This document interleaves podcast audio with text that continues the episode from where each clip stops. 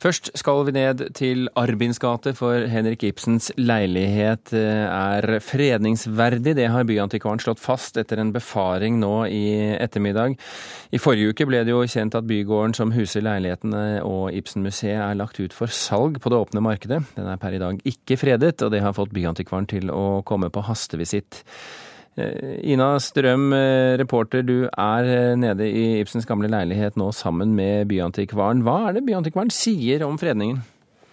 Byantikvaren har gått rundt og sett på leiligheten her i dag. Hun har vurdert en rekke verdier ved leiligheten, f.eks. arkitektonisk verdi, historisk verdi, hvordan den egner seg til formidling av kulturhistorie, og om det har bodd noen kjente personer her. Og Der var det vel ikke noe særlig problem å krysse av byantikvar Janne Wilberg. Hva er det dere har kommet fram til nå? Jo, vi er kommet frem til at ikke bare leiligheten, men denne gården er fredningsverdig. Og Hva er det dere har eh, lagt vekt på når dere har kommet fram til det? Eh, jeg vil jo si at Når det er snakk om Ibsens leilighet, og så godt som den beskriver leiligheten som den var i hans tid, så er jo det personalhistoriske kjempeviktig her.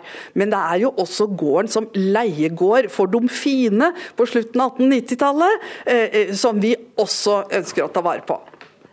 Og det er altså eh, imponerende eiendom, en imponerende eiendom vi står i. Vi står i den blå salongen. Her er det gråblå vegger, det er silkegardiner som på en måte omslutter døråpningene. Det er prismelysekrone med masse krystallprismeri som henger fra taket i en eh, nydelig rosett.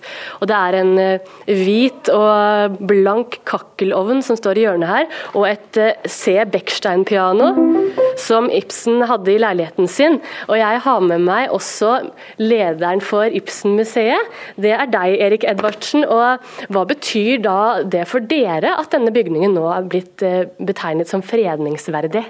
Ja, Det er veldig hyggelig, for da vet du at dette her er noe som vi skal ha i alt eh, fremtid. Det er jo derfor man også har museer, at man eh, verner ut fra et sånt evighetsperspektiv. Er det nå sånn at vi kan slå fast at dette her blir ikke å finne i hendene på en eller annen eiendomsspekulant som kan tenke seg at dette er kanskje Oslos beste beliggenhet, her kan vi kjøre på med lekkert, med, med rustfritt stål, med downlights, med hvite altså, hva, hva, hva, innebærer denne, denne beslutningen, eh, byantikvar Janne Wilberg, egentlig i praksis? Jo, i praksis så betyr det at ingen eh, eh eventuell gårdeier skal være i tvil om at det er viktige verneverdier å ta vare på her. Eh, og, eh, og, Det er årsaken til at vi har gått dit og sagt at det er fredningsverdig. Men det betyr også at blir eh, dette, denne gården og leiligheten truet, så griper vi inn med fredning.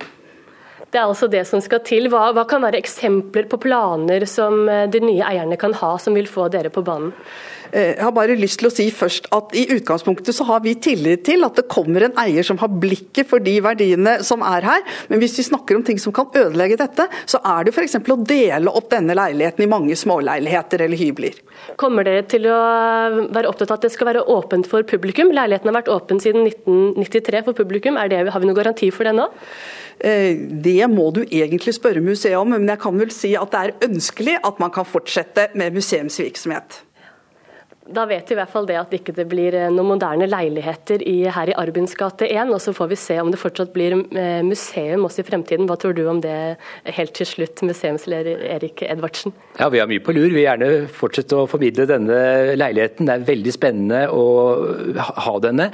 Og eh, dette som vi står i nå, Den blå salong, har jo vært en slags arbeidsstue for han også. Han er jo ikke bare sånn som sitter i bibliotek, i arbeidsværelset sitt og skriver, men Henrik Ibsen han har gått her og dramatisert og iscenesatt og brukt stuer. Så dette her er jo viktige klenoder og viktige interiører.